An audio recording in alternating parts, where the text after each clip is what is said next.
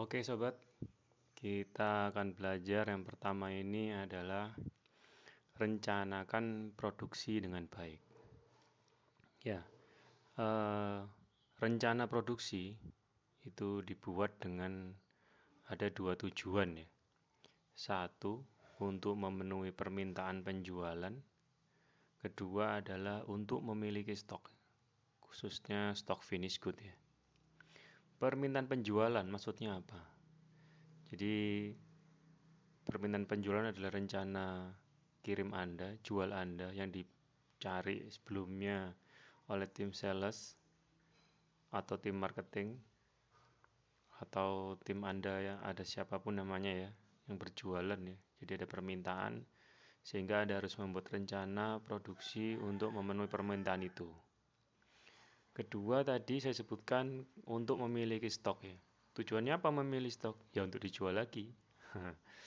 Jadi eh, stok yang ada kalau ada permintaan langsung Anda bisa jual. Tapi ada tujuannya lagi untuk memilih stok, memiliki stok ya, yaitu dengan adanya stok produksi Anda tidak kerja keras ya. Jadi mesin ataupun tim produksi Anda tidak naik turun jumlahnya. Kadang cuma 100 nanti 1000 jadi nggak jelas. Sehingga di, bisa jadi overtime bisa jadi kelebihan orang ya.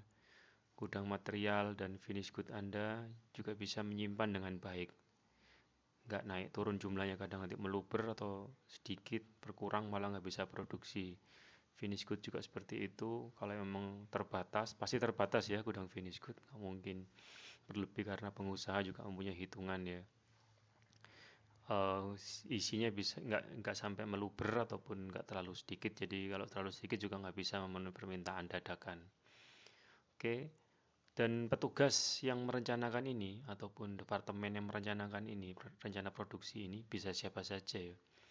Namun di hampir semua perusahaan itu memiliki departemen namanya PPIC Production Planning Inventory Control. Jadi sesuai namanya dia merencanakan produksi namun posisi PPIC ini bisa di mana saja secara struktural.